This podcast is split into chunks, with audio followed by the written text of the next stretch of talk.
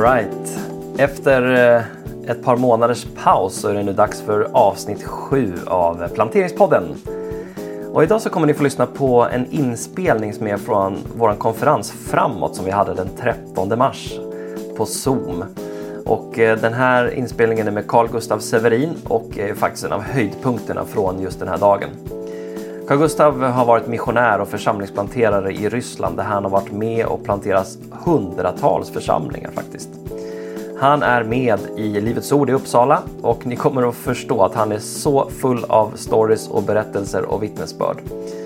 Själv mötte jag honom på Lapplandsveckan för ett par år sedan och det var oerhört intressant att få sitta ner med honom där. Så välkomna till det här avsnittet Carl Gustaf Severin. Jag heter Niklas Mörling. Varmt välkommen. Ja, tack så jättemycket. Det är, det är fantastiskt att få vara med här. Jag känner ju våra vänner, älskade vänner Olofsson så, eh, och jag är så tacksam att jag blev inbjuden. Och jag får alltid tala till församlingsplanterare. Det är ju det som jag har levt för i sista 35 åren. Eh, pingströrelsen är ju min mamma, brukar jag säga. Jag blev frälst i Gislaved i, i Småland, i Philadelphia, Gislaved. Där mötte jag underbara människor som jag fick lära känna. Och någonting som då föddes redan i mitt hjärta då, det var ju mission. Att, att gå ut i världen och predika. Missionärer som kom hem och berättade. Och, och jag vet det började brinna i mitt hjärta så starkt att åka ut i världen och predika. Det har jag gjort. Jag har fått förmånen att predika i 60 länder ungefär. Och eh, jag kan säga att 90 procent av de sista 35 åren har varit att plantera nya församlingar i platser där Eh, och kanske jag har haft den här principen att försöka starta där det inte finns församlingar så mycket som möjligt. För då kan man inte ibland anklaga för att splittra någon församling om man startar ett plats där det inte finns någon. Det finns ingenting så underbart som att komma till en jungfrulig mark. Eh, pionjärandan i mig. Jag, det fanns en gammal pingstpredikant som hette Daniel Ribba eh, som jag bodde granne med i Södertälje när jag var evangelist i Pingstkyrkan i Södertälje. Eh, jag minns jag åkte med honom en gång så sa jag så här Eh, Daniel säger jag skulle önska att jag bara får bli en pionjär. Jag har hört om den första generationen pingströrelsen var pionjärer, de bröt ny mark och, och, jag skulle så gärna vilja bli en sån där som bröt ny mark. Och tittade han på mig, vi var på väg till Karlskrona och så tittade en unge man sa du kommer att bli en pionjär, du kommer att få bryta ny mark där ingen har varit. Och lite grann av det där så, så har jag känt att det där har varit ett liv som är fantastiskt att få jag brukar säga att det finns två sorters kristendom. Det finns den här lyxkryssarkristendom där man eh, åker på ett fint skepp, allt är uppbyggt, det finns smörgåsbord, Viking Line över till andra sidan Finland och man tycker det är underbart. Jag minns jag en gång var i Stockholm längst uppe på Ersta så såg jag en Viking Line-båt och hörde musiken som gick där på båten. Alla var glada och de höll på med sitt liv. Köpte i taxfree och, och så tittade jag rakt ner till vänster. Där stod en isbrytare mitt i sommaren som hette Tor. Eh, Ulf hette han faktiskt. Eh, och, eh, eller två, Tor och Ulf hette de. De låg där stilla och jag såg depressionen i dem. För det var inte vinter, det var inte kallt, det var inte jobbigt. Det var bara sådär eh, tillrättagjort sommar. De hade ingen uppgift längre för de stod där. Det fanns ingen is att bryta. Och de låg där och väntade på sin tid. Men, och då hörde jag innan mig Herren tala till mig så att Carlos, du är inte en Viking Line-båt, du är en isbrytare. Och på något sätt kände jag bara, ja, jag, jag, älskar när det är kallt, när det är vinter, när det, när, inte fysisk vinter, men när det är det här, inget, isen är inte bruten. Men det är väl det som du är då som församlingsfar ska vara, en isbrytare. Att du ser den bilden framför dig. På en isbrytare är det inte alltid det bästa maten, det är inte alltid det är konservmat, det är inga smörgåsbord, men, men det, är, det är ett tufft liv, det är ett fantastiskt liv. Och den dagen när församlingen har blivit etablerad och du kommer tillbaka, som jag får göra nu då, efter 30 år i Ryssland och, och se liksom frukten, eh, då bara strömmar tårarna ner för mina ögon. Därför att jag fick så starkt till oss när vi började arbeta i Ryssland. Jag frågade, ska jag gå till biskoparna, till pingströrelsens biskopar? Ska jag gå till baptisterna? Ska jag gå, vilken kyrka ska jag gå till och, och börja arbeta? Då hör jag så starkt inom mig. Nej, du ska inte gå till någon av dem i det här läget. Du ska gå till fängelserna. Du ska gå till de som är längst ner på gatan, de som är banditer, kriminella och börja predika evangeliet där. Och det var så vi gjorde. Vi, vi kom till kyrkor också, fantastiska församlingar som vi har arbetat med genom åren. Men jag kände så här att nej, vi ska nå de här onådda. För att mission för mig är inte att gå ut och bära frukt. Mission är att gå ut och plantera ett träd någonstans som kommer att bära frukt. Det är det livet är. Det är det som är församlingsplanterarens vision. Han är inte där för att han ska stanna där kanske hela livet. Han är där för att han ska vara med och plantera ett träd för de människorna som bor där på den platsen. Och för att där finns det kraft, där finns det styrka, där finns det härlighet. Eh, och det är inte alltid så fancy i början. Eh, jag, jag vet inte hur många nätter jag har spenderat på tågen när jag åkte genom Ryssland och ensam, ibland, eller två stycken har vi alltid varit, men på de här transsibiriska järnvägen och, och undrat liksom, ska det bli något? Och djävulen var på mig samma eh, vem tror du att du är? Åka hit och starta en församling i Sibirien. Det är ju kallt och det är jobbigt och det, man, man, du kommer gå under, du kommer dö. Många sa till mig att du kommer dö. Men frukten idag, när jag nu kommer tillbaka då till de här Sibirierna och till de här församlingarna och jag möts av en man som jag såg i fängelse hämta mig på flygplatsen, en, en ny Toyota Lexus. Jag undrar mig, vad har hänt med honom? Nej, jag har blivit frälst, jag, jag var ju på det här fängelset ni predikade. Och nu har Gud hjälpt mig, jag har fått familj, jag har barn. Och jag kan nu gå ut och, och vara en, en, del av samhället. Jag, jag, jag är affärsman och Gud har välsignat mitt liv. Jag är fri från droger. Jag är fri. Och då blir jag så glad. Därför att för mig var det inte alltid att gå ut och ha stora kampanjer och stora väckelsemöten, allt, utan det var att hitta rätt häst. När du ska in i en stad så måste du hitta rätt häst att rida på. Rider du på fel häst, rider på fel människor, jobbar med fel människor, så kommer du att misslyckas och du kommer få jobba i tio år för att rätta till dem. Man, inte ha förhasta dig, inte ha för bråttom in i en stad, utan eh, är med och hitta de här rätta människorna som är de viktiga människorna, så kommer du att kunna ha framgång. Så jag är övertygad om att, att eh, eh, alla har gjort det här misstaget, men, men, men mission det är att gå... När jag var i Thailand för många år sedan tillsammans med en pingstmissionär som heter Bertil Nilsson. Han lever fortfarande, bor på Skövde på ett ålderdomshem idag. Det var han som introducerade mig till mission. Han tog med mig till Thailand. Jag fick åka med dit och det var så fantastiskt. Eh, och då kom jag, jag minns en plats långt eh, ute i thailändska bushen och så, så satt det en, en pastor där, jätteduktig och så en annan jätteduktig. Så var det andra bibelskoleelever, de var inte lika kanske starka i Gud, men de där två var speciella. Då frågade den gamle pingstmissionären Adolf Nilsson som heter, så frågade jag så här, vad är hemligheten till de här församlingsplanteringarna som du har gjort med de här två, som blivit så mycket mer framgångsrika än alla de andra? Och sa han på sin breda skånska, ja, och det är Paulus och Timoteus-metoden. Med andra ord, jag hittade med mina Timoteus de har jag inte haft på en stor bibelskola, de har jag haft hemma i köket, jag har haft dem i min familj, jag har jobbat med dem och talat med dem. Och det blev för mig en, eh, en otrolig lärdom när det gäller församlingsplantering. Att det är inte alltid de där stora fancy kampanjerna, vi har haft dem också med 10, 20, 30 tusen. Men det är att få de här människorna, de här Timoteus-själarna. Så jag tog de här, jag säger inte det här för att skryta nu, men om, om ni inte missförstår inte, men eh, jag tog de där unga grabbarna som jag hittade. En var bara 16 år, inte Oleg. Eh, eh, och jag, och jag tog, jag tog de åkte, och de åkte med mig på tågen. Vi satt på ett möte. Och jag brukar ofta säga så här. Det viktiga mötet när du har ett möte, det är inte mötet, utan det är mötet efter mötet. När du ska träffa pastorn, när du ska träffa de ledarna som är där.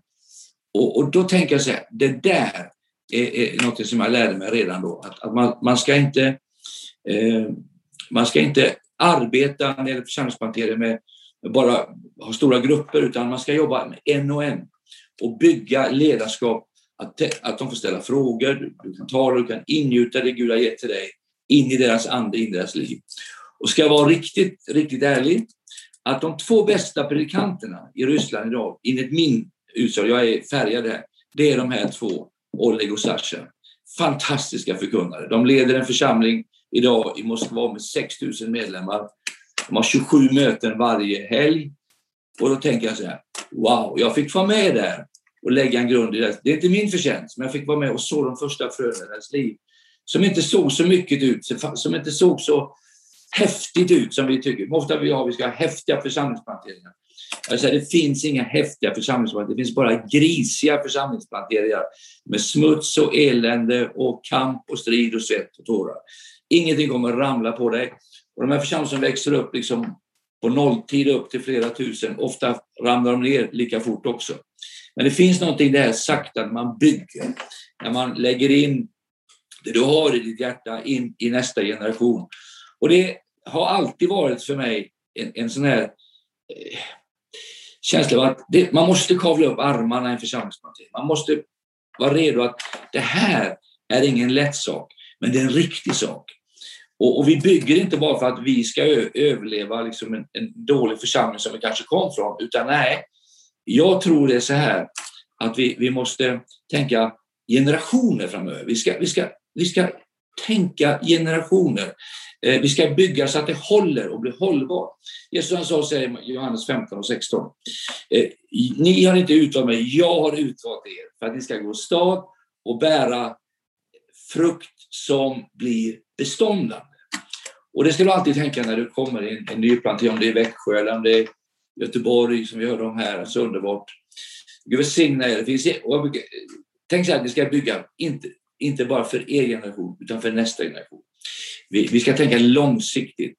Och låt det växa sakta. Det är aldrig farligt att någonting växer sakta. Och, och, men om det viktigaste är att låt oss bygga trovärdiga, sunda församlingar. Låt oss bygga tre generationsförsamlingar. Vi ska inte bara ha ungdomar, vi ska inte bara ha äldre. Vi ska ha tre generationer. Det är det finaste som finns. Det är en tregenerationsförsamling. Och vi, vi ska bygga på en sund lära. Och, och, och det, jag, det jag har känt eh, att när, när, när saker växer och det exploderar, det är bra. Men det är också väldigt lika fint om det växer lite saktare och inte går så jättefort. Eh, och bli inte, titta inte till vänster, titta inte på höger. Ja, men de har ju mycket starkare tider än vi har. För vi är inte competitors, we are companions. Alltså vi är, vi är medarbetare till varandra. Och det är det jag tror är så otroligt viktigt. Om någon växer upp till tusen medlemmar, gläd dig med de församlingarna. Därför att jag tror att vi behöver varandra. Som jag tycker var så fint det här med Niklas sa förut, att vi, vi, har, vi, vi, är ett förbund med varandra i Sverige idag. Vi, vi strider inte längre med, med kristna, det, det, den tiden är förbi. Utan vi kämpar en kamp för att vinna Sverige tillbaka. Och jag vill bara säga det att Sverige tror jag är ett fantastiskt missionsfält nu som vi aldrig har sett skådat tidigare. Jag själv jag fick ju ett ord från Herren bara för några år sedan att det är dags nu att eh, lämna Ryssland, det är dags att lämna Kina och Indien och Vietnam. Inte, vi, allt, vi aldrig ska vara där, men det är överlämnat. De har pastorer, de har ryska pastorer, allt är överlämnat. Och det är bara så ut att bara se det här. Och så hörde jag om att vänd hem till Sverige igen och hjälp Sverige. Och, jag hade ju tänkt att trappa ner lite grann. Jag är 67 år nu och inte för man kan tro det, men, men så är det. Och, och jag kände att nu skulle jag liksom gå in i pensionärslivet. Och eh, kommer här, förra året hem till Sverige. Och så möter jag en man som jag aldrig har mött tidigare i, i hela mitt liv. Och så säger han bara till mig, så säger Herren till dig Carlos, du har spelat i många utländska ligor, men du ska börja spela i allsvenskan. Och då var det som en konfirmation att det är dags att vända hem. Och så fick jag då bara, jag satt hemma i TV4-soffan, eh, som man sitter ibland och tittar på TV4 på morgon på, på lördagen. Och där hör jag ett fantastiskt vittnesbörd av en man som heter Sebastian Staxet. Och han eh, bara delar sitt hjärta och han säger från du hatar ju alla för tre år sedan, vad har hänt? Och jag har mött Jesus. Och när han sa det så gick det bara rysningar inom mig. Jag tänkte att jag vill träffa honom. Tre veckor sedan ringde han mig och hälsade. Vi började prata och så fördes våra hjärtan ihop. Det också tillsammans med Hans Weissbrott i Arlsrörelsen. Eh, och eh, det har varit en sån fantastisk resa att se det som händer i Sverige idag. Och då tror jag det är så här att eh, grytan som Gud ska koka i Sverige och i alla länder börjar aldrig i toppskiktet. Om du tittar i alla historiska eh, väckelserörelser så börjar aldrig Gud i toppskiktet. Gud börjar i botten. Han kokar grytan nerifrån. Med de som mår sämst, de som mår dåligast. I Ryssland till exempel, när vi har planterat församlingar, 70 procent av alla våra församlingar i Ryssland är startade av före detta drogmissbrukare. Eh, och det var det ord Herren gav till mig för många år sedan, att när du kommer in i en stad så ska du inte leta efter dem och dem och dem, utan jag kommer att ta dem som är längst ner på kedjan och frälsa dem, göra under med dem och resa upp dem och göra dem till andliga ledare i staden. Så låt oss verkligen tro Gud om detta när det gäller Sverige också. Att vi ser nu en väckelse med ungdomar som har psykisk ohälsa, lever i droger och börjar bli frälsta nu liksom i hundratals. Jag, menar, det, det, jag möter dem varje vecka och jag gråter varje dag när jag tänker på att Gud håller på att röra vid Sveriges ungdom nu. Och det, det är de framför allt som jag tror vi ska fokusera på.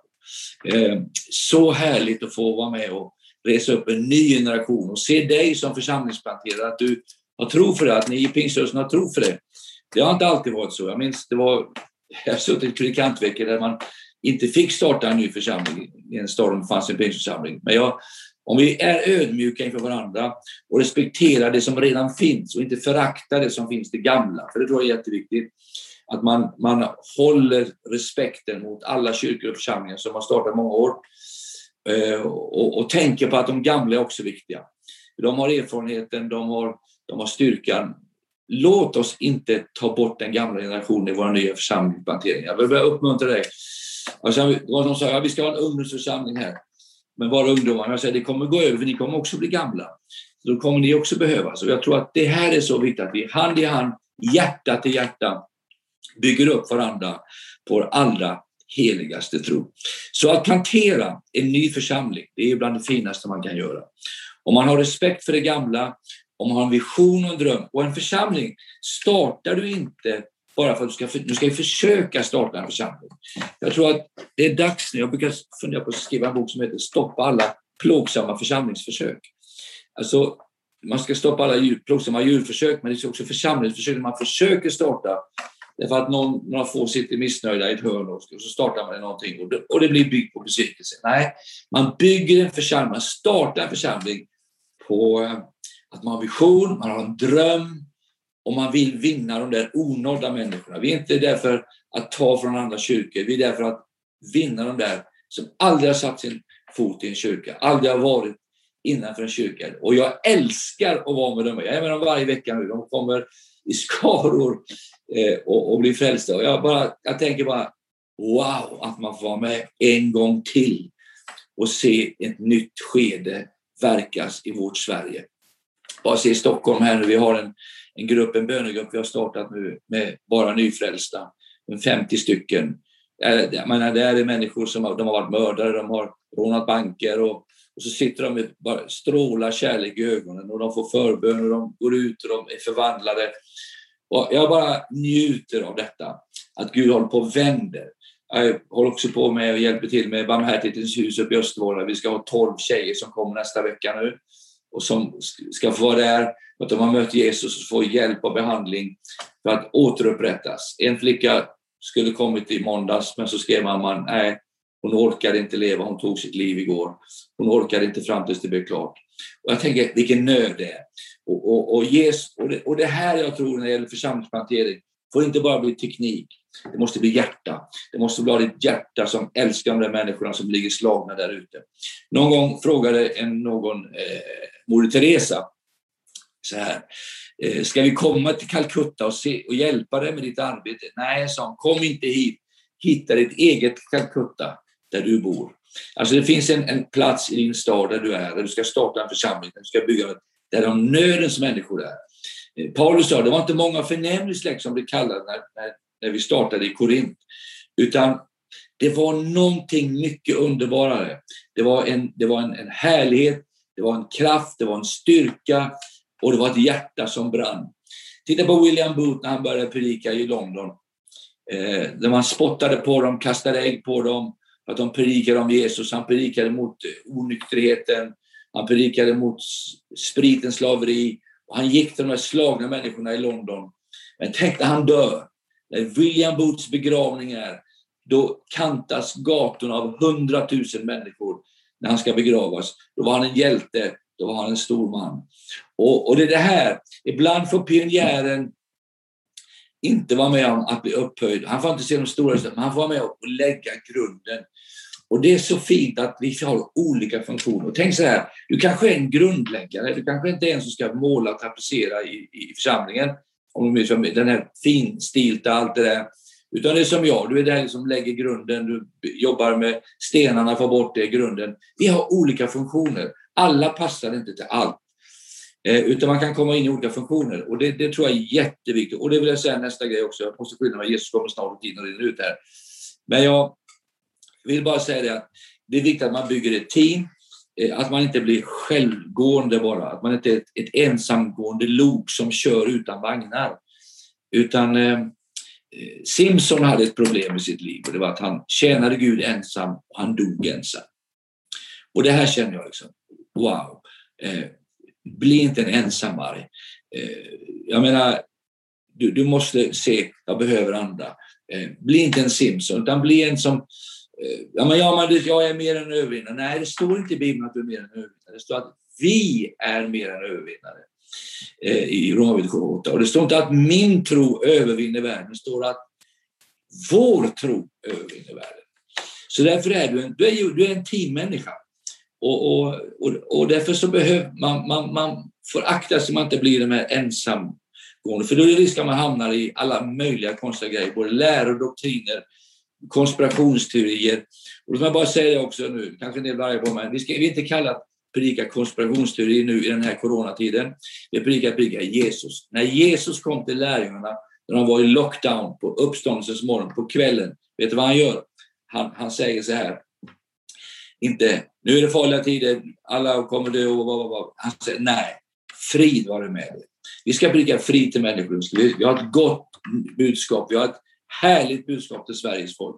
Låt oss inte fastna i negativism och, och, och, och konstiga grejer. Och det, och det bringar mig till det sista, nu plockar jag riktigt fort här för tiden går.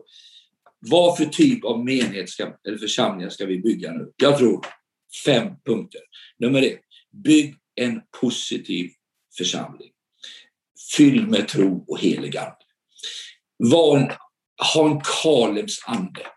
Eh, det står om Kaleb, han hade en annan ande.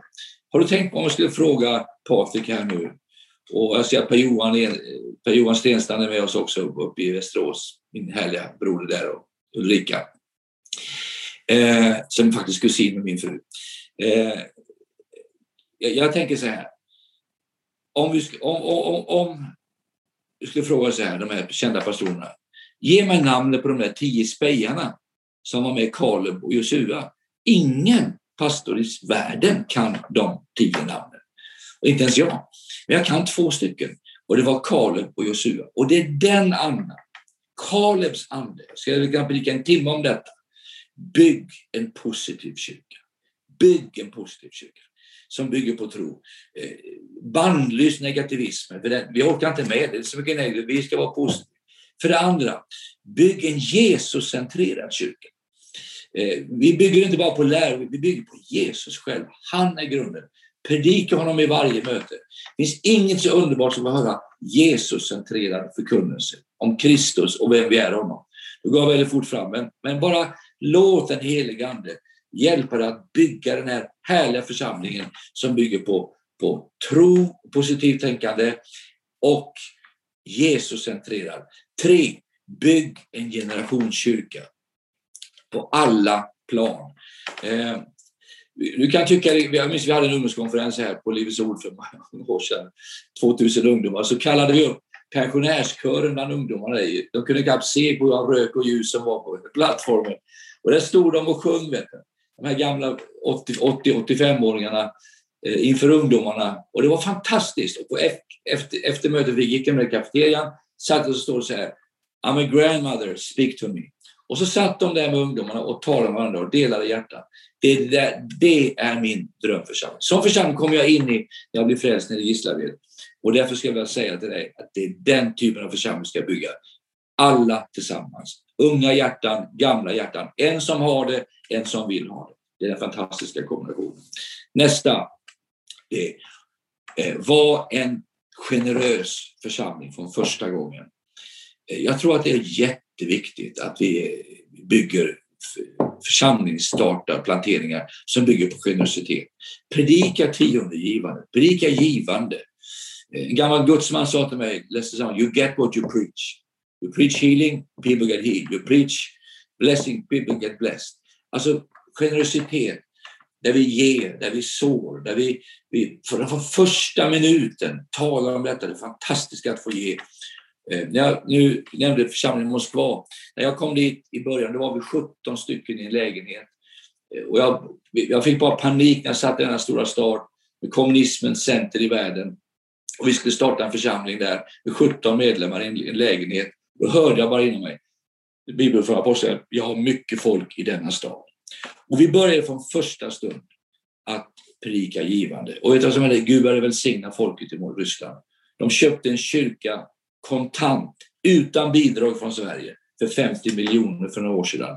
Nu förra veckan köpte de en ungdomsbyggnad för 20 miljoner kronor kontant, ryska pengar, från församlingen. Jag, jag, jag tänker så här, Sverre Larsson som är en gammal Rörelsens ledare, var en av mina goda vänner, han sa så här, skäms aldrig när du talar om givande. Och, och, vi ska inte bygga på bidrag från andra. Man kanske behöver det i början, men börja från början med att prika tro och helande, men också generositet. Och det sista då, innan jag slutar, min tid har gått nu, så jag. Det är, låt oss eh, av allt vårt hjärta var en själavinnande församling från första gången. Den plantering du planterar ska fortsätta att plantera, ska fortsätta att ge. Och då ska vi Vet du, vi har ett ord i Sverige som jag växte upp med i pingströrelsen och det var ordet väckelse. Jag hörde så många gånger vi måste be om väckelse, vi ska ha väckelse. Och jag tror faktiskt att vi kommer få en väckelse i Sverige. Men ordet väckelse finns ju faktiskt inte i Bibeln utskrivet så. Men jag tror vi gör ett klassiskt, klassiskt eh, eh, misstag i våra församlingar när vi talar om väckelse. Vi, vi, vi, vi tänker så här, ah, vi, får, vi har ingen väckelse i Sverige. Vi, får ingen, för vi är för dåliga kristna i Sverige. Nej, det är vi inte. Vi är inte dåliga. Jag har mött kristna i sex Ni är inte bättre kristna här än vad kineserna är, ryssarna är. Nej, det är inte det felet. Ja, men vi måste ändra på budskapet. Nej, vi ska inte ändra på budskapet. Ehm, vi har ett härligt budskap, det gamla evangeliet. Många frågar, vad är det nya Gud gör idag? Det nya är att det gamla duger. Vi har ett gammalt härligt evangelium. Låt oss tro Gud om det i fortsättningen. Eh, och, och, och, sen så säger vi så här, ja, men vi har ingen väckelse så vi får nog ingen. Jo, det kommer vi få. Ja, vi har ingen väckelse, vi kanske måste kalla hit en evangelist som, har, som kommer skaka om allt. De är underbara, evangelister är fantastiska. Men det finns ett förslag som jag har till det. Medan vi väntar nu på den här stora väckelsen, låt oss försöka vinna en själ. Du kan aldrig förvandla hela världen, men du kan förvandla hela världen för en människa. Det finns en du kan vinna. Om vi alla vinner en i Sverige idag, då har vi väckelse. Ja, att vinna en och en, det är ju nyckeln till att fullfölja missionsuppdraget. Ja, jätteintressant att få höra den här undervisningen av Carl Gustav. Hoppas du uppskattar den lika mycket som jag. Eh, dela gärna med dig av Planteringspodden på sociala medier och sprid den till människor som du tror vill höra mer om den. Följ oss på plantering.se både på webben och på Instagram. Eh, hör av dig med stories, idéer, frågor så tar vi med dem i kommande poddar. Håll utkik för nästa podd. Vi hörs snart.